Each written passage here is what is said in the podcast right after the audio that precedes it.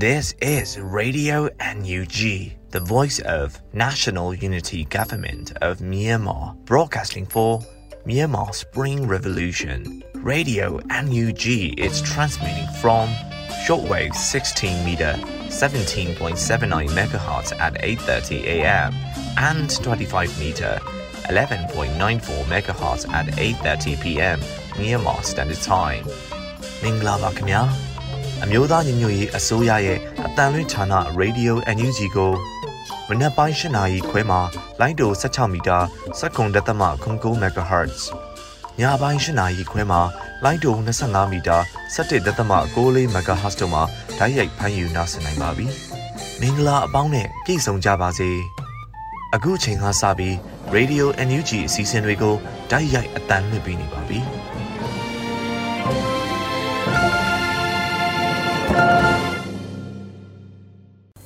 မြန်မာနိုင်ငံသူနိုင်ငံသားအပေါင်းတဘာဝပြီးစစ်အာဏာရှင်ပြည်သူကနေကင်ဝေးပြီးဘေးကင်းလုံခြုံကျန်းမာကြပါစေလို့ရေဒီယိုအယူဂျီဖွဲ့သားများကဆုတောင်းမြတ်တာပို့သလိုက်ရပါတယ်ရှင်။ပထမဆုံးအနေနဲ့တောက်ွယ်ရေးဝန်ကြီးဌာနရဲ့စီရေးသတင်းအကျဉ်းချုပ်ကိုရန်နိုင်မှတင်ပြပေးမှာဖြစ်ပါတယ်ရှင်။ဒီသုံးညီညွတ်ရေးဆိုရ ကာဝဲဝန်ကြီးဌာနကထုတ်ဝေတဲ့နေ့စဉ်စီရေးသတင်းကြေချုပ်ကိုကျွန်တော်ရန်နိုင်ကတင်ဆက်ပေးပါတော့မယ်။နေ့စဉ်စီရေးသတင်းကြေချုပ်ရာစစ်ကောင်စီတပ်သား2ဦးသေဆုံးပြီးစစ်ကောင်စီတပ်သား4ဦးဒဏ်ရာရရှိခဲ့ပါတယ်။ပထမဦးစွာစစ်ကောင်စီနဲ့တိုက်ပွဲဖြစ်ပွားမှုအခြေအနေကိုတင်ဆက်ပေးပါမယ်။ ဘူမီတံမှာတော့မေလ22ရက်နေ့နေ့လယ်တနာရီ22မိနစ်ချိန်ကကြိုက်ထုံမြို့နယ်အင်္ဂဘူကျေးရွာအုပ်စုမှာစစ်ကောင်စီကားတန်းကိုပြည်သူ့ကာကွယ်ရေးပူးပေါင်းဖွဲ့က RPG နဲ့ပစ်ခတ်ခဲ့ရမှာစစ်ကောင်စီကားတစ်စီးမီးလောင်ပျက်စီးခဲ့ပါတယ်ခင်ဗျာ။ကီယနီကရားပြည်နယ်မှာမေလ20ရက်နေ့ညနေ3:20မိနစ်20ချိန်ခန့်ကလွိုင်ကော်မြို့နယ်ပြားကနေကျေးရွာထူးသူကူစာတင်ကျောင်းရှိမှာစစ်ကောင်စီတန်ကား2စီးနဲ့စစ်ကောင်စီကား3စီးအင်အား60ခန့်မှရင်နှံကို KNDF B12 ကပြစ်ခတ်ခဲ့ရာ စစ်ကောင်စီတပ်သား2ဦး သေဆုံးခဲ့ပြီးတအူးဒဏ်ရာရရှိခဲ့တယ်လို့ သိရှိရပါတယ်ခင်ဗျာ။စကိုင်းတိုင်းမှာတော့ မေလ22ရက်နေ့ကကမ်းဘလူမျိုးနယ်ထရောကျေးရွာနီမှာ စစ်ကောင်စီတပ် ခမာယာ369ကိုကမ်းဘလူဒေသခံကာကွယ်ရေးအဖွဲ့၄ဘွဲ့ ပူးပေါင်းပြီး ခုခံတိုက်ခတ်ခဲ့ရမှာ စစ်ကောင်စီတပ်သားများတေဆုံးမှုရှိခဲ့ပါတယ်။မေလ22ရက်နေ့ နေ့လယ်12မိနစ်30ချိန်ခန့်က မြောင်မြို့နယ် မြောင်ရဲစခန်းတွင်ရှိ မြို့နယ်ရဲတပ်ဖွဲ့မှုအိမ်နဲ့ မီးသက်ရုံတွင်သို့မြောင်မြို့နယ်ပြည်သူ့ကာကွယ်ရေးနဲ့လုံခြုံရေးအဖွဲ့ CDSOM ပြည်သူ့ကာကွယ်ရေးတပ်မတော်စကိုင်းခရိုင်တပ်ရင်း1နှင့်မြောင်တပ်မတော် MUA မြောင်မျိုးသမီးစစ်တီတော်တပ်ရင်း M2W တို့က drone နဲ့ဘုံကျဲတိုက်ခိုက်ခဲ့ကြပါတယ်ခင်ဗျာမန္တလေးတိုင်းမှာတော့မေလ22ရက်နေ့နေ့လယ်2:45မိနစ်ချိန်ကဝမ်ရင်းမြို့နယ်ကလားရွာသို့စစ်ကောင်စီလက်အောက်ခံရဲ2ဦးကင်းလှည့်လာစဉ် WTRF အဖွဲ့ကတိုက်ခိုက်ခဲ့ရာရဲ2ဦးတနက်တရာများနဲ့ထွက်ပြေးသွားပြီးစိုက်ကယ်တစီတင်းစီရရှိခဲ့ပါတယ်။မေလ22ရက်နေ့နေ့လယ်2:30မိနစ်30ချိန်ခန့်က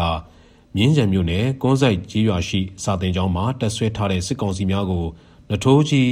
People Defense Force ဖွဲ့ကလက်နက်ကြီးလက်နက်ငယ်များနဲ့ပစ်ခတ်တိုက်ခတ်ခဲ့ရမှာနှစ်ဖက်တိထွေမှုဖြစ်ပွားခဲ့ပြီးစစ်ကောင်စီတအူထိခိုက်ဒဏ်ရာရရှိခဲ့ပါတယ်ခင်ဗျာ ရန်ကုန်တိုင်းမှာမီလ20နှစ်ည7:30မိနစ်30ချိန်ခန့်ကတန်လင်းမြို့နယ်တပြေကန်ရဲစခန်းကိုပြည်သူ့ကာကွယ်ရေးအဖွဲ့တန်လင်းကဝင်ရောက်ပစ်ခတ်တိုက်ခိုက်ခဲ့ပါတယ်ခင်ဗျာ AR တိုင်းမှာတော့မီလ20နှစ်ည9:30မိနစ်20ချိန်ခန့်ကဒနုပြူမြို့နယ်အခြေဆိုင်စစ်ကောင်စီတပ်ရဲ့ခမာယာ108တရင်ဂိတ်ကိုအေယာနဂါညီနောင်ပြည်သူ့ကာကွယ်ရေးပျောက်ကြားတပ်ကမိုင်း6လုံးနဲ့ဖောက်ခွဲတိုက်ခိုက်ခဲ့ရာအဆောင်တပ်သားများထိခိုက်မှုရှိနိုင်တယ်လို့သိရှိရပါတယ်ခင်ဗျာ ဆက်လက်ပြီးတော့စစ်ကောင်စီကကျူးလွန်တဲ့ရာဇဝတ်မှုများကိုလည်းတင်ဆက်ပေးပါောင်းမယ်။ကရင်နီကရားပြည်နယ်မှာမေလ22ရက်နေ့မနက်9:00နာရီချိန်ကလွိုင်ကော်မြို့နယ်လွယ်တမူကုန်းရွာမှာစစ်ကောင်စီကပစ်လိုက်တဲ့လက်နက်ကြီးကြီးစားထိမှန်ပြီးအသက်50အရွယ်အမျိုးသားတဦးဦးကောင်းကြီးစားထိမှန်တန်ရာနဲ့တေဆုံးခဲ့တယ်လို့သိရှိရပါတယ်ခင်ဗျာ။စကိုင်းတိုင်းမှာတော့မေလ22ရက်နေ့မနက်9:30မိနစ်30ချိန်ခန့်ကမြောင်မြို့နယ်နေဘူးကုန်းကြီးရွာရှိနေများကိုစစ်ကောင်စီတပ်သားများကမိရှို့ဖျက်ဆီးခဲ့ကြပါတယ်။ မေလ22ရက်နေ့နေ့လယ်3:00ချိန်ခန့်ကမုံရွာမြို့နယ်မုံရွာမြို့တာစီလန်းကိုတော်ပြည်ဖျားနီးမှာအရဲဝတ်စစ်ကောင်စီတပ်သား9ဦးကအမျိုးသားတဦးကိုကားနဲ့တိုက်ပြီးဖမ်းဆီးသွားခဲ့ပါတယ်ခင်ဗျာ။မန္တလေးတိုင်းမှာတော့မေလ20ရက်နေ့မနက်ပိုင်းက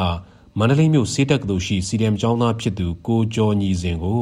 မန္တလေးမုံရွာလမ်းပေါ်မှာအင်စည်းကားနဲ့တွာလာနေစဉ်စစ်ကောင်စီများကပစ်ခတ်တဲ့ကြီးစံကြောင်းအုံနောက်သို့ကြီးထိမှန်၍ကြာဆုံးခဲ့တယ်လို့သိရှိရပါတယ်ခင်ဗျာ တနင်္လာရီတိုင်းမှာမေလ20ရက်နေ့က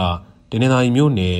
တက်ကူရွာမှာကလေးငယ်တူနဲ့ရွာသားတူကိုစစ်ကောင်စီတပ်သားများကတနက်နဲ့ပစ်တက်ခဲ့ကြပါတယ်စစ်ကောင်စီတပ်သားများကတကူရွာနဲ့အနီးတစ်ဝိုက်ရှိကျေးရွာများကိုလက်နက်ကြီးများနဲ့အဆက်မပြတ်ပစ်ခတ်ခဲ့တဲ့အတွက်ဒေသခံထောင်ချီထွက်ပြေးတင်းရှောင်နေရပြီးဒေသခံရွာသားချုပ်ကိုလည်းစစ်ကောင်စီများကဖမ်းဆီးထားခဲ့ပါတယ်မေလ27ရက်နေ့မနက်ပိုင်းမှာလည်းတကူရွာနဲ့တိန်တော်ရွာတို့မှာအင်တာနက်လိုင်းများဖြတ်တောက်ခံထားရတယ်လို့သိရှိရပါတယ် မေလ20ရက်နေ့မနက်9:00နာရီချိန်ခန့်ကပလောမြို့နယ်ပလားမြို့မှာစစ်ကောင်စီတပ်သားများဝင်မှွေနေပြီး NLD ပါတီဝင်ကုသရဇော်ကိုဝင်ရောက်ဖမ်းဆီးရာမမိတဲ့အတွက်၎င်းရဲ့ဇနီးဖြစ်သူကိုစစ်ကောင်စီတပ်သားများအုပ်ချုပ်မှုနဲ့စစ်ကောင်စီလက်အောက်ခံရဲများကဖမ်းဆီးသွားခဲ့ကြပါတယ်။ဆက်လက်ပြီးတော့ဒေသခံပြည်သူများဖြစ်တဲ့ဒေါ်ဆန်းဝေဒေါ်တန်းရှင်တို့ကိုလည်းစစ်ကောင်စီများကဖမ်းဆီးခဲ့တယ်လို့သိရှိရပါတယ်ခင်ဗျာ။အခုတင်ဆက်ပေးခဲ့တဲ့နေ့စဉ်စီရေးသတင်းအချင်းချုပ်ကိုတော့မြေပြင်သတင်းတာဝန်ခံများနဲ့ သတင်းဌာနများကဖော်ပြလာတဲ့အချက်အလက်များပေါ်မှာအခြေခံပြုစုထားတာပဲဖြစ်ပါတယ်။ကျွန်တော်ကတော့ရန်နိုင်ပါခင်ဗျာ။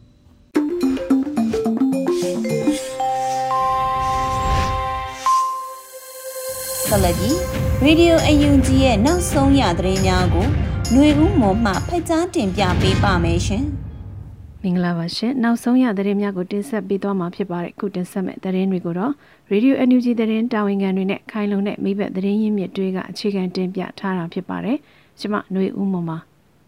စီရီယမ်တရားသူကြီးနေတဲ့အတွက်ဥပဒေပညာရှင်များကိုတရားသူကြီးတာဝန်ပေးအပ်ပြီးဖွဲ့နဲ့တရားစီရင်များကိုဆောင်ရွက်မယ်လို့တရားရေးဝန်ကြီးဦးသိန်းဦးပြောဆိုတဲ့သတင်းကိုတင်ဆက်ပေးပါမယ်။စီရီယမ်တရားသူကြီးနေတဲ့အတွက် ဥပဒေပညာရှင်များကိုတရားသူကြီးတာဝန်ပေးအပ်ပြီးတော့ဖွဲ့နဲ့တရားစီရင်များကိုဆောင်ရွက်မယ်လို့တရားရေးဝန်ကြီးဦးသိန်းဦးကဆိုပါတယ်။မေလအတွင်းတွေ့ဆုံမေးမြန်းခန်းတစ်ခုမှာမြို့သားညီညွတ်ရေးအစိုးရတရားရေးဝန်ကြီးဌာနမှပြည်ထောင်စုဝန်ကြီးဦးသိန်းဦးကပြောကြားခဲ့တာပါ။တိမ့်ပတ်ရရှိတဲ့လူမြောင်နယ်မြေတွေမှာရန်သူနဲ့အလှမ်းဝေးပြီလားဆိုထိစက်နေတုံးပဲရှိပါသေးတယ်။ပထမဆုံးအနေနဲ့အဖွဲ့နဲ့တရားစီရင်ကိုမြို့နယ်တစ်ခုမှ9ဦးခံပါမယ်။ 3ဦးနဲ့တရားစီရင်မှာဖြစ်ပါတယ်။ဒီတဲ့အတိုင်းစီရမ်တရားသူကြီးကနေပါတယ်။အဲ့ဒီအတွက်လူလူတွေကဥပဒေပညာရှင်တွေစုပြီးတရားရုံးမှာဥပဒေတာဝန်ထမ်းဆောင်ပါမယ်။၃ယောက်ကပုံမှန်တရားရုံးလို့နေတိုင်းရုံးထိုင်မှာမဟုတ်ပဲအမှုတွေရှိရခရုံးထိုင်မဲ့နေရာနဲ့စစ်ဆေးမဲ့ရက်ကိုတတ်မှတ်ပါမယ်လို့ဝန်ကြီးကဆိုပါတယ်။ဆိုပါလူမြောက်နယ်မြေများမှာတရားခံများကိုဖမ်းဆီးရစီရီယမ်ရဲများကိုအသုံးပြုမှာဖြစ်ပြီးအင်အားများစီရန်ပြည်သူ့ကာကွယ်ရေးတပ်ဖွဲ့များပါရဲလုပ်ငန်းကိုပူးရဲတာဝန်ထမ်းဆောင်မယ်လို့သိရပါတယ်။ မေလ19ရက်နေ့မှာမြို့သားညီညွတ်ရေးအစိုးရယာယီသမရဒူဝါလက်ရှိလာကမိတ်ကြီးညာစာအမှတ်17မြင်းဆောင်2022ဖြင့်မြို့နယ်15မြို့နယ်မှာမြို့နယ်တရားသူကြီးများအဖွဲ့ကိုခန့်အပ်တာဝန်ပေးလိုက်တာဖြစ်ပါတယ်။အဆိုပါ15မြို့နယ်တွင်မြို့နယ်တရားသူကြီးဖွဲ့များကိုခန့်အပ်ပြီးဆက်ရှင်တရားစီရင်အာဏာများအနှင်းလိုက်ကြောင်းယာယီသမရဒူဝါလက်ရှိလာကကြေညာထားပါတယ်ရှင်။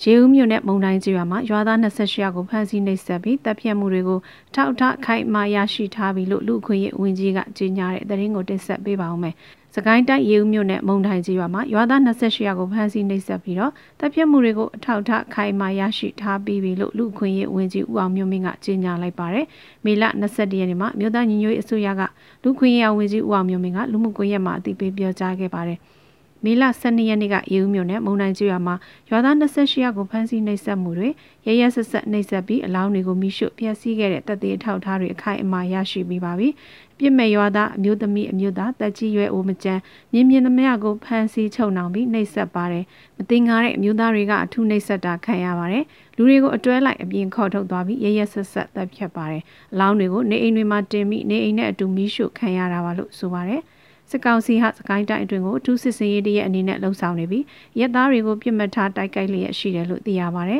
။စစ်ပွဲကာလအတွင်းရဲသားတွေကိုဖမ်းဆီးနှိပ်စက်တပ်ဖြတ်ခြင်းဟာဆရာဆွေးမှု war crime မြောက်သောနိုင်ငံတကာရာဇဝတ်မှုများပဲဖြစ်ပါတယ်။အကြမ်းဖက်ရာဇဝတ်ကောင်တွေကိုနိုင်ငံတကာတရားဥပဒေအတိုင်းအရေးယူဖို့ဆက်လက်လှုံ့ဆော်လျက်ပါလို့လူအခွင့်အရေးရာဝန်ကြီးဦးအောင်မျိုးမင်းကထပ်မံဆိုပါတယ်ရှင်။ ဂျားကန်လဒေသန္တရပြည်သူ့အုပ်ချုပ်ရေးဖော်ဆောင်မှုဗဟိုကော်မတီနဲ့ AR တိုင်းဒေသကြီးလွှတ်တော်ကိုစားပြုကော်မတီဝင်များတွေ့ဆုံတဲ့တဲ့ရင်ကိုဆက်လက်တင်ဆက်ပေးပါမယ်။ဂျားကန်လဒေသန္တရပြည်သူ့အုပ်ချုပ်ရေးဖော်ဆောင်မှုဗဟိုကော်မတီနဲ့ AR တိုင်းဒေသကြီးလွှတ်တော်ကိုစားပြုကော်မတီဝင်များတွေ့ဆုံခဲ့တယ်လို့သိရပါဗျ။မြို့သားညီညွတ်ရေးအစိုးရဂျားကန်လဒေသန္တရပြည်သူ့အုပ်ချုပ်ရေးဖော်ဆောင်မှုဗဟိုကော်မတီနဲ့ ရပတိုင်းဒေသကြီးလွှတ်တော်ကိုစားပြုကော်မတီဝင်များမေလ20ရက်နနက်10:00နာရီကတွေ့ဆုံခဲ့ပြီးဂျာကာလဒေသန္တရပြည်သူ့အုပ်ချုပ်ရေးဖော်ဆောင်မှုဆိုင်ရာကိစ္စရပ်တွေကိုဆွေးနွေးခဲ့ကြပါတယ်။ပထမစွာဂျာကာလာဒေသန္တရပြည်သူ့အုပ်ချုပ်ရေးဖော်ဆောင်မှုဗဟိုကော်မတီဥက္ကဋ္ဌဝင်းကြီးချုပ်မန်ဝင်းခိုင်တန်းမှအဖွဲ့မှစကားပြောကြားခဲ့ပါတယ်။ တွေ့ဆုံပွဲမှာဂျာကာလာဒေသန္တရပြည်သူ့အုပ်ချုပ်ရေးဖော်ဆောင်မှုဗဟိုကော်မတီဥက္ကဋ္ဌ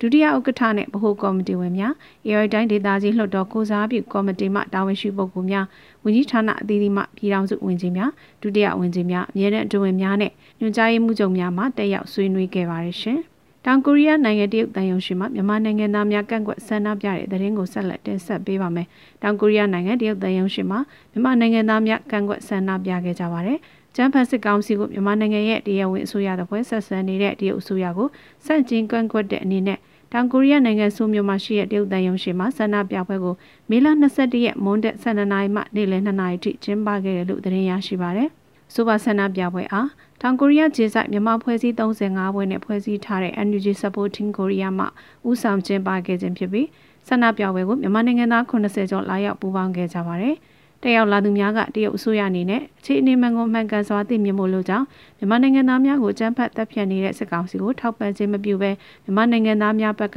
ရည်တည်ကအမျိုးသားညီညွတ်ရေးအစိုးရကိုထောက်ခံကူညီပံ့ပိုးခြင်းနဲ့မြန်မာတို့ရဲ့ကျေးဇူးတင်မှုနဲ့အတူအနာဂတ်အတွက်ရေရှည်တည်တတ်မဲ့ချစ်ကြည်ရေးနေမှုကိုရယူဖို့တိုက်တွန်းကြောင်းအားသတိပေးခဲ့ကြပါတယ်။ အဲ့နောက်တက်ရောက်လာသူများကမြန်မာအင်္ဂလိပ်တရုတ်ကိုရီးယားလေးဘာသာနဲ့ရေးထားတဲ့အိတ်ဖွင့်ပေးစာကိုတရုတ်တန်ယုံကိုတွားရောက်ပေးအပ်ခဲ့တယ်လို့သိရပါတယ်။ဆိုပါတရုတ်တန်ယုံရှိဆန္ဒပြပွဲများကိုမေ20နဲ့21ရက်နေ့များမှာ NUG ရုံးဆိုင်ရာဂျပန်၊အမေရိကန်၊ UK ၊ဩစတြေးလျ၊ကိုရီးယားပြင်သစ်၊နယ်သာလန်၊ကနေဒါနဲ့နော်ဝေစတဲ့ကိုနိုင်ငံရှိမြန်မာနိုင်ငံသားတွေကတပြိုင်နက်ဆန္ဒဖော်ထုတ်ပွဲများနဲ့အကြောင်းအရာတူညီတဲ့ကန့်ကွက်လွှာများကိုသက်ဆိုင်ရာတရုတ်တန်ယုံများကိုပေးပို့ခဲ့ကြတာဖြစ်ပါတယ်ရှင်။ ကတာပကဖာတို့အလင်းဝင်လာတဲ့တက်နဲ့ရဲ့62ဦးထိရှိလာပြီဆိုတဲ့သတင်းကိုတင်ဆက်ပေးပါောင်းမယ်။စကိုင်းတိုင်းကတာမြို့နယ်ပြည်သူ့ကာကွယ်ရေးတပ်ဖွဲ့တို့အလင်းဝင်လာတဲ့တက်နဲ့ရဲ့62ဦးထိရှိလာတယ်လို့သတင်းရရှိပါရယ်။မီလာ21ရက်မှာအလင်းဝင်လာတဲ့စစ်ကောင်စီတပ်ဖွဲ့ဝင်များအကြောင်းကိုကတာပကဖာကဆိုပါတယ်။ ဂျမ်ဖတ်စစ်တပ်ရဲ့လူရက်တွေကိုလက်မခံတော့တဲ့စစ်သားနဲ့ရဲတပ်ဖွဲ့ဝင်တွေဟာစစ်တပ်ရှေ့တန်းစခန်းများမှထွက်ပြေးကြပြီးနှိစက်ရပြည်သူများမှတဆင့်ပြည်သူရင်ခွင်တို့ဆက်သွဲက CDM လုပ်ပေးရန်ပြောဆိုမှုများကြောင့်ကတားမြို့နယ်ပြည်သူရင်ခွင်တို့ရောက်ရှိခိုးလုံလာတဲ့ရဲနဲ့စစ်သား CDM ဥယျာဉ်62ဦးထိရှိလာပြီး2022ခုနှစ်အတွင်းဇက်တိုက်ဝင်ရောက်မှုရှိပါတယ်လို့ဖော်ပြပါရယ် မေလ16ရက်တရက်ထဲမှာတွင်ကတာမြို့နယ်သို့စစ်ကြောင်းလှည့်နေသောခမရ416တပ်မှတပ်သား4ဦးနဲ့မေလ19ရက်နေ့မှာခမရ385တပ်မှတပ်သား2ဦးတို့ထွက်ပြေးလွတ်မြောက်လာကြပြီး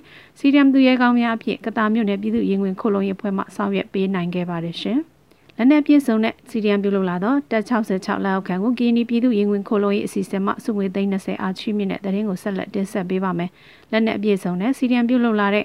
တပ်66လက်အောက်ခံကို ကရင်ပြည်သူ့ရင်ဝင်ခုလုံရေးအစီအစဉ်မှစုငွေသိန်း20ချီးမြှင့်ခဲ့ပါတယ်။မေလ21ရက်မှာကရင်ပြည်သူ့ရင်ဝင်ခုလုံရေးအစီအစဉ်မှထုတ်ပြန်ကြေညာခဲ့တာပါ။လက်နက်အပြည့်စုံတဲ့စီရီယမ်ပြုလုပ်လာသောတက်66လက်အောက်ခံတရင်တက်မှတသားဥသက်စုပိုင်းကိုပိုင်မှတ်တာဝန်မူ99834အားကရင်ပြည်သူ့ရင်ဝင်ခုလုံရေးအစီအစဉ်မှစုငွေသိန်း20အားချီးမြှင့်ခဲ့ပါတယ်လို့ဆိုပါတယ်။ကြန့်ရှိသောကင်းနီပြည်တွင်ထိုးစစ်ဆင်လာတဲ့ စစ်ကောင်စီလက်အောက်ခံတပ်သားရရှိအရာခံများစီရီယံပြုလုပ်ရန်လဲကင်းနီပြည်သူရင်ဝင်ကဖိတ်ခေါ်ထားပါတယ်ရှင်။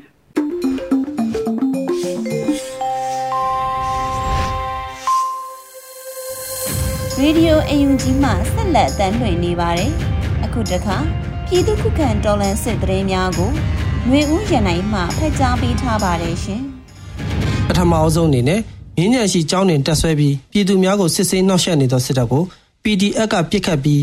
စစ်သား2ဦးတေဆုံးတဲ့တဲ့တင်တက်ဆက်ပါမယ်။မန္တလေးတိုင်းမြင်းညံရှိစာတင်ကျောင်းတွင်တက်ဆွဲပြီးပြည်သူများကိုစစ်ဆေးအနောက်ရှက်ပေးနေသောစစ်တပ်ကို PDF ကပြစ်ခတ်မှုစစ်သား2ဦးတေဆုံးကြောင်းနထိုးကြီး PDF ကသတင်းထုတ်ပြန်ပါတယ်။မေလ19ရက်နေ့မြင်းညံမြို့အထာကနှစ်စာတင်ကျောင်းတွင်တက်ဆွဲထားသောစစ်တပ်က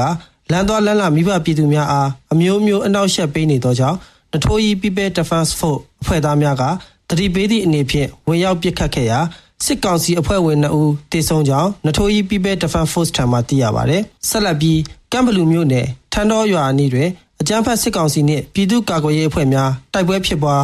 စစ်ကောင်စီ30ခန်းထိခိုက်ဒဏ်ရာရပြီးတေဆုံးသူရှိတဲ့တဲ့တင်တင်ဆက်ပါမယ်။စကိုင်းတိုင်းကမ်ဘလူမြို့နယ်အတွင်းရှိထန်းတော်ကျေးရွာအနီးတွင်အကြမ်းဖက်စစ်ကောင်စီဝင်များနှင့်ပြည်သူ့ကာကွယ်ရေးအဖွဲ့များမေလ20ရက်နေ့တွင်တိုက်ပွဲဖြစ်ပွားခဲ့ပြီးစစ်ကောင်စီအဖွဲ့ဝင်30ခန့်ထိခိုက်ဒဏ်ရာရရှိပြီးအသေးအပြောက်ရှိနိုင်ကြောင်း ဒေတာအရင်းမြစ်ထံသိရပါတယ်။အဆိုပါတိုက်ခိုက်မှုကိုကမ်ဘလူယူဂျီနဲ့မိဖက်ညီကိုလေးဘွဲတို့ဥဆောင်ပြီးတိုက်ခိုက်ခဲ့ခြင်းဖြစ်ကြောင်းသိရှိရပါတယ်။တိုက်ပွဲဖြစ်ပွားခဲ့သည့်အကြမ်းဖက်စစ်ကောင်စီတပ်များမှဟုံးမလင်းအခြေဆိုင်ခမာယ369စစ်ကြောင်းမှုကြော်မျိုးသူဥဆောင်သောစစ်ကြောင်းဖြစ်ကြောင်းထန်းတော်ရွာအနီးတွင်ပြည်သူ့ကာကွယ်ရေးအဖွဲ့မှမိုင်းဖောက်ခွဲခဲ့ပြီးလက်နက်ငယ်များဖြင့်နိုင်ဝက်ခန့်အထိထိတွေ့တိုက်ပွဲဖြစ်ပွားခဲ့ကြောင်းတေဆုံးသူစီရင်စုံစမ်းဆဲဖြစ်ကြောင်းကမ်ဘလူယူဂျီထံမှသိရပါဗျ။ ဖားကန်တွင်ဈေးဝယ်ထွက်သည့်အရက်ဝတ်စစ်ဗိုလ်နှင့်တပ်သားကို KIA ကဖမ်းဆီး KIA နဲ့စစ်တပ်တိုက်ပွဲများဆက်လက်ဖြစ်ပွားနေတဲ့တဲ့ရင်ကိုတင်ဆက်ပါမယ်။ကချင်ပြည်နယ်ဖားကန်မြို့ဝိခါဈေးတွင် မေလ20ရက်နေ့နနက်8နာရီကအရက်ဝတ်ဖြင့်ဈေးဝယ်လာသည့်ဗိုလ်တအုပ်နှင့်တပ်သားတအုပ်ကိုကချင်လွတ်မြောက်ရေးတပ်မတော် KIA တပ်မဟာကိုအမတ်6တပ်ရင်းကဖမ်းဆီးထိန်းသိမ်းခဲ့ကြောင်းနယ်မြေကန်သတင်းရင်းမြစ်များထံမှသိရပါဗျ။ထို့ပြင်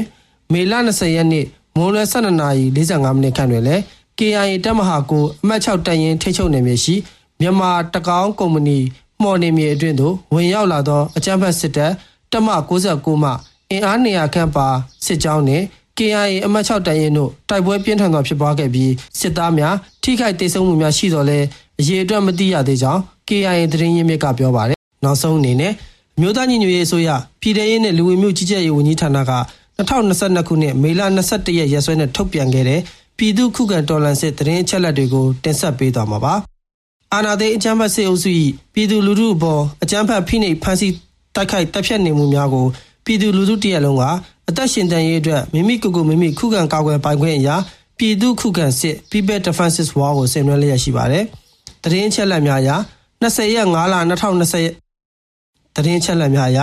20ရက်5လ2022ရက်နေ့တွင် စစ်ကောင်စီတပ်ဖွဲ့ဝင်26ဦးသေဆုံးပြီးထိခိုက်ဒဏ်ရာရရှိသူ12ဦးထိခုခံတိုက်ခိုက်နိုင်ခဲ့ပါတယ်။စစ်အာဏာရှင်စနစ်မြန်မာပြည်ပေါ်မှာအပိတိုင်ချုပ်ငြိမ်းရေးနဲ့ Federal Democracy တည်ဆောက်ရေးအတွက်ငြိမ်းချမ်းစွာဆန္ဒပြနေသည့်လူထုတပိတ်တိုက်ပွဲများကပြည်내နဲ့တိုင်းဒေသကြီးများမှာဖြစ်ပွားပေါ်ပေါက်လျက်ရှိပါတယ်။မြေပြင်မှာယခုတွေ့ရတဲ့သတင်းချက်လက်များထက်ပိုရဖြစ်ပွားနိုင်ပါတယ်ခင်ဗျာ။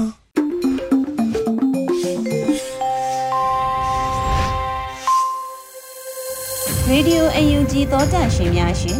PVTV ရဲ့နေ့စဉ်သတင်းများကိုတော့မေတူးမှဖတ်ကြားတင်ပြပေးထားပါတယ်ရှင်။ပထမအဆုံးတင်ဆက်ပေးမှာကတော့လွတ်လပ်စွာပြောဆိုထုတ်ဖော်ခွင့်နဲ့သတင်းအချက်အလက်လွတ်လပ်စွာစီစဉ်ခွင့်ရယူသုံးစွဲပိုင်ခွင့်တွေဟာဒီမိုကရေစီရဲ့အသက်သွေးကြောဖြစ်တယ်လို့လူ့ခွင့်ရေးဝန်ကြီးဌာနကဖော်ပြလိုက်တဲ့သတင်းပါ။မြို့သားညီညွတ်ရေးအစိုးရလူ့ခွင့်ရေးဝန်ကြီးဌာနက လွတ်လပ်စွာပြောဆိုထုတ်ဖော်ခွင့်နဲ့သတင်းအချက်လက်လွတ်လပ်စွာစီစဉ်ခွင့်ရယူသုံးစွဲပိုင်ခွင့်တွေဟာဒီမိုကရေစီရဲ့အသက်သွေးကြောဖြစ်တယ်လို့ဝန်ကြီးဌာနရဲ့ Facebook page မှာဖော်ပြလိုက်ပါတယ်။လွတ်လပ်စွာထုတ်ဖော်ပြောဆိုရေးသားခွင့်ဟာလူ့ဘောင်အဖွဲ့အစည်းတစ်ခုဒီမိုကရေစီနိုင်ငံတစ်ခုအတွက်မရှိမဖြစ်အရေးကြီးတဲ့လူသားအခွင့်အရေးဖြစ်တယ်လို့လည်းမှတ်ယူပါတယ်။လွတ်လပ်စွာထုတ်ဖော်ပြောဆိုခွင့်ဟာပြည်ပဆိုင်ရာလူ့အခွင့်အရေးကြေညာစာရန်အပိုက်16မှာဖော်ပြထားတဲ့ အခြေခံအကျဆုံးလူအခွင့်အရေးလည်းဖြစ်ပါတယ်လို့လူအခွင့်အရေးဝန်ကြီးဌာနကရေးသားဖော်ပြထားတာပါ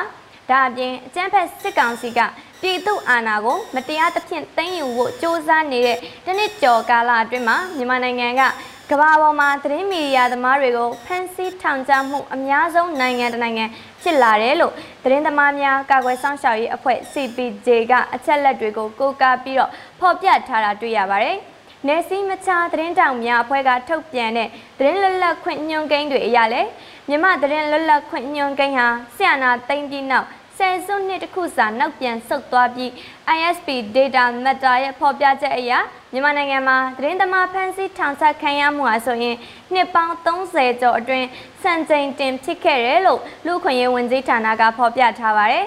။လွတ်လပ်ပြီးမှန်ကန်တဲ့သတင်းအချက်အလက်များစီစဉ်နိုင်ဖို့ အကြမ်းဖက်စစ်ကောင်စီရဲ့ဖိနှိပ်မှုများပြင်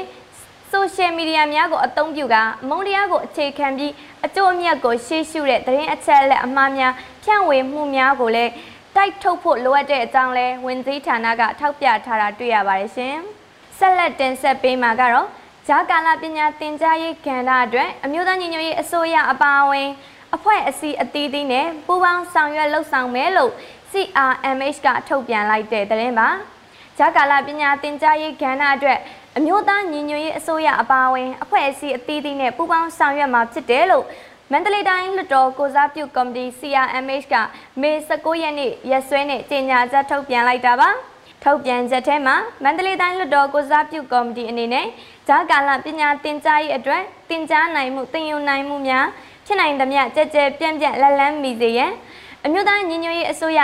ပညာရေးဝန်ကြီးဌာနအပါအဝင်ဂျာကာလာပညာရေးစနစ်မှာအတိအသပါဝင်နေကြတဲ့အဖွဲ့အစည်းများဆရာမိဘကျောင်းသားကျောင်းသူများအားလုံးနဲ့အတူချိတ်ဆက်ပူးပေါင်းပြီးအဓိကအာယုံစိုက်ဆောင်ရွက်သွားမှာဖြစ်တယ်လို့ဖော်ပြထားပါတယ်။ဒါအပြင်မန္တလေးတိုင်းအတွင်းဂျာကာလပညာသင်ကြားရေးကိုအင်တိုက်အားလိုက်အကောင့်ထဲပေါ်နေကြတဲ့အဖွဲ့အစည်းတွေမြို့နယ်ပညာရေးဘုတ်အဖွဲ့တွေဆရာတက်မကတွေကျောင်းသားတက်မကတွေဖက်ဒရယ်ကျောင်းနေနဲ့တကွာ တင်ကြားမှုနဲ့တင်ယူမှုတွေမှာပါဝင်နေကြတဲ့ဆရာဆရာမတွေကျောင်းသားကျောင်းသူတွေကိုမန္တလေးတိုင်းလွှတ်တော်ကိုစားပြုကော်မတီကလေးလေးနက်နက်အတိမတ်ပြုတယ်ဆိုပြီးတော့လည်းဖော်ပြထားတာတွေ့ရပါတယ်။အကျန်းဖက်စစ်ကောင်စီဖွင့်လှစ်ထားတဲ့ကျောင်းတွေမှာမတက်ရောက်ပဲ CDM ပြုတ်လုံနေကြတဲ့မန္တလေးတိုင်းအတွင်းကဆရာတွေမိဘတွေကျောင်းသားတွေအနေနဲ့နေအိမ်အခြေပြုတင်ကြားခြင်း home based learning ရရွာအခြေပြုသင်ကြားခြင်း community based education တွေကိုမျက်ခြေမပြတ်ပုံမကျယ်ပြန့်စွာပူးပေါင်းလှုပ်ဆောင်ပေးကြဖို့အတွက်လည်းတိုက်တွန်းထားတာတွေ့ရပါတယ်ရှင်။အခုတင်ဆက်ပေးမှာကတော့အကျန်းဖက်စစ်ကောင်စီလက်အောက်ကဝန်ထမ်းတွေနှုတ်ထွက်ကြဖို့တောင်းဒေတာဂျာကာလာပြည်သူ့အုပ်ချုပ်ရေးအဖွဲ့ကြေညာလိုက်တဲ့ဆိုတဲ့သတင်းမှာတအောင်ဒေတာမှာရှိတဲ့အကျန်းဖက်စစ်ကောင်စီလက်အောက်ခံဝင်ကြီးဌာနတွေရဲ့ဝန်ထမ်းတွေအားလုံးကို တာဝန်ရာထူးတွေကနေနှုတ်ထွက်ပြီးအကြမ်းမဖက်တဲ့တော်လှန်ရေးလှုပ်ရှားမှုစီရီယံမှာပါဝင်ကြဖို့အတွက်တောင်းဒေတာဂျာကာလာပြည်သူ့အုပ်ချုပ်ရေးအဖွဲ့ကထုတ်ပြန်လိုက်ပါတယ်။နန်စီရီယံဝန်ထမ်းတွေအနေနဲ့စီရီယံမှာပါဝင်နေတဲ့ပြည်သူ့ဘတ်တော်သားဝန်ထမ်းတွေကိုနီလန်မျိုးမျိုးနဲ့လိမ့်လဲလှည့်ပြားစီယုံကဖိအားပေးတာနဲ့ချင်းချောက်တာတွေမလုပ်ဖို့ အကြိမ်ကြိမ်သတိပေးထားပြီးဖြစ်လို့တောင်းဒေတာရှိနန်းစီရီယံဝန်ထမ်းတွေအနေနဲ့သတိပေးချက်တွေလိုက်နာဆောင်ရွက်ခြင်းမရှိဘဲအကြမ်းဖက်စစ်ကောင်စီဘက်မှဆက်လက်တာဝန်ထမ်းဆောင်နေပါကဖြစ်ပေါ်လာမဲ့ပြဿနာအကျိုးဆက်ဟာကိုင်ကန်ရှင်ရဲ့တာဝန်သာဖြစ်တယ်လို့အတည်ပြုထားပါတယ်။မေလ20ရက်ထုတ်ပြန်ချက်မှာ အခုအချိန်ဟာအကြမ်းဖက်စစ်တပ်ကစာတင်ကျောင်းတွေတက္ကသိုလ်ကျောင်းတွေဖွင့်လှစ်ဖို့ကြိုးပမ်းနေမှုဟာဆန္ဒရှင်ရဲ့စစ်ကြုံပညာရေးကိုအသက်သွင်းပြီး CDM အင်အားစုတွေကိုအင်အားလျော့နှဲစေဖို့ဖြိုခွဲလိုချင်တာဖြစ်တယ်လို့ဖော်ပြထားပါတယ်။ဒါအပြင်စစ်ကောင်စီကိုပြည်သူလူထုကအသိမှတ်ပြုတဲ့အောင်ဖန်တီးပြီးပြည်တွင်းပြည်ပနဲ့နိုင်ငံတကာတွေကိုလှည့်စားပြီးနိုင်ငံရေးအရာအမျက်ထုတ်လိုချင်တာဖြစ်တယ်လို့ထုတ်ပြန်ပါတယ်။ အကြမ်းဖက်စစ်တပ်ကဖွင့်လှစ်တဲ့တက္ကသိုလ်ကျောင်းတွေကိုမတက်ကြဖို့တောင်းဒေသဂျာကာလာပြည်သူ့အုပ်ချုပ်ရေးအဖွဲ့ကကျောင်းသားကျောင်းသူတွေကိုအလေးအနက်တိုက်တွန်းနှိုးဆော်ထားပါတယ်ရှင်။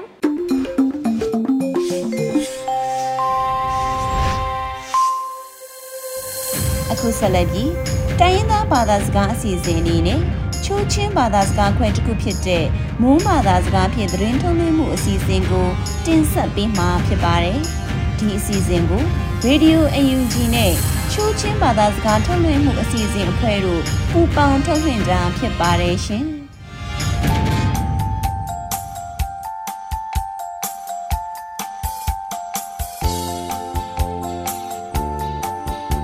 ချိုရီကျိုအုံထနာနမီငိုင်ကနုပါဖွေနာရီယိုနမရိုင်နောအတုံငိုင်ခုကုမ်ဖရမ်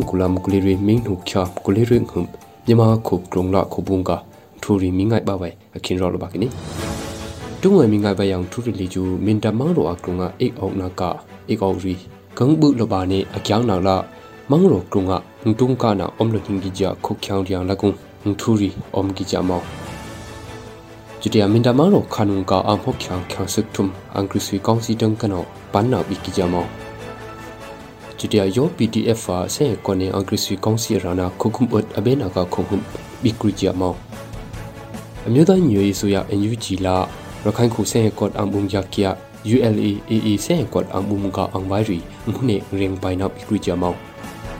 အနုဗျံထူလီကျူဥရောပခိုယုံအယုံကနော်လနေဘက်တီကီယမ်နတ်နာတမတဖွာ WHO တန်ကနော်အကတဲနံခုနေမေပုံစင်နကမောင်းရီချက်ကနီ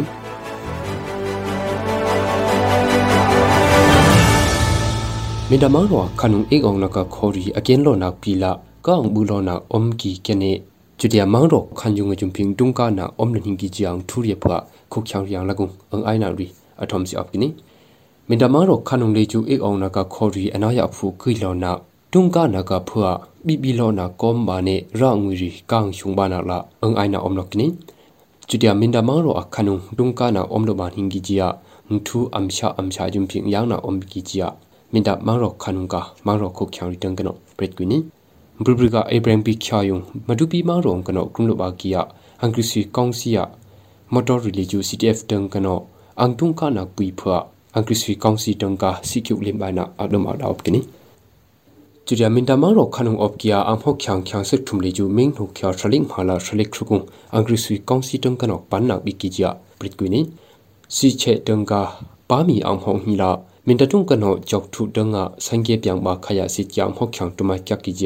teng kano angtung ka nak pui phwa angrisui kongsi teng ka sikyu limba na adom adop kini churia minta mang ro khanung op kia am ho khyang khyang se thum leju ming hu khya thraling mhala thalik thukung angrisui kongsi teng kano pan na bi ki ja prit kwini si che teng ka pa mi am hong hi la minta tung kano jok thu teng nga sangye pyang ba khaya si kyam ho khyang tuma kya ki ja minta mang rong ka mang ro khu khyang tuma no prit kini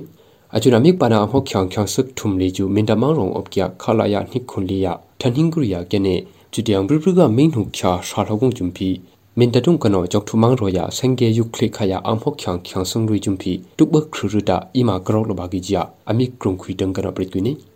chutia makui khunu akrung kano angri sui kaunsi aktung bia rana kia yo pdf la sen kone angri sui kaunsi arana khugumut abena rung leju bribriga ming no kya shlik ko hu bikwini ajunung leju kango thilin jo jok thula somang rong op kia sen kon yo pdf ra kap amumri kaidu krija manau kini ajunung leju yo pdf fa sen konne angrisui kaunsi arana khogumut abena kung cdf minta tangkan jumpi ye kana op kijia ngami tangkano amim dangna tu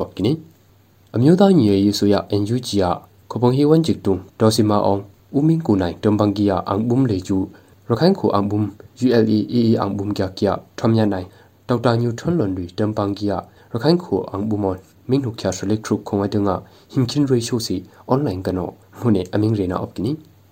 အကျွနာမှုနေအမင်းရေနာကုန်လီကျမြန်မာခုကရုံတူဘခရကြကြအင်္ဂရိစီကောင်စီနောမြန်မာခုံကခုချောင်းရီခနာအယုတ်ကာနာခနာအယိမယမမောင်နဲ့နေပြီးပါကြအကတုံးပြအမင်းရေနာအော့ကနီဥရောပခုယုံကယုံကနောငပက်ကီယနနာရီ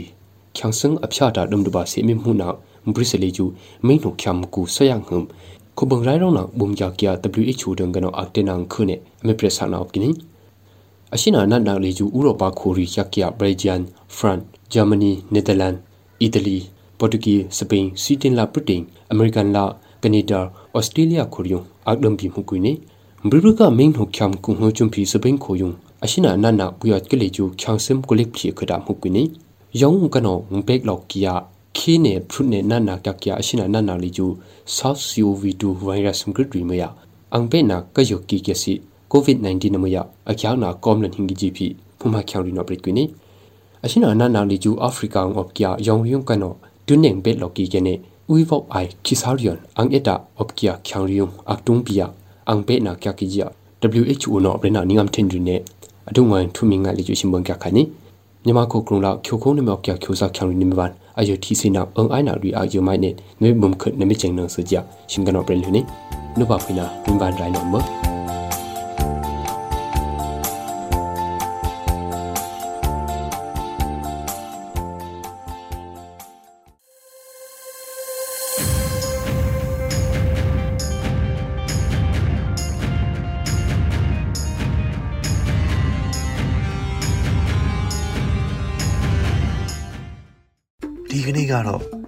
နေပဲ Radio NUG ရဲ့အစည်းအဝေးတွေကိုခਿੱတရရနိုင်ပါမယ်။မြန်မာစံတော်ချိန်မနက်၈နာရီခွဲနဲ့ည၈နာရီခွဲအချိန်တွေမှာပြန်လည်ဆုံးဖြတ်ကြပါစို့။ Radio NUG ကိုမနက်ပိုင်း၈နာရီခွဲမှာလိုင်းဒို16မီတာ7.3 MHz ညပိုင်း၈နာရီခွဲမှာလိုင်းဒို25မီတာ17.6 MHz တို့မှာဓာတ်ရိုက်ဖမ်းယူနိုင်နိုင်ပါပြီ။မြန်မာနိုင်ငံသူနိုင်ငံသားများကိုယ်စိတ်နှပြကျန်းမာချမ်းသာလို့ဘေးကင်းလုံခြုံကြပါစေလို့ Radio NUG အဖွဲ့သူအဖွဲ့သားများကဆုတောင်းလိုက်ရပါတယ်။အမျိုးသားညီညွတ်ရေးအစိုးရရဲ့စက်သွေးရေးတရင်အချက်အလက်နဲ့ဤပညာဝန်ကြီးဌာနကထုတ်လွှင့်နေတဲ့ Radio NUG ဖြစ်ပါတယ်။ San Francisco Bay Area အခြေစိုက်မြန်မာမိသားစုများနဲ့နိုင်ငံတကာကစေတနာရှင်များလှုပ်အားပေးများရဲ့ Radio NUG ဖြစ်ပါတယ်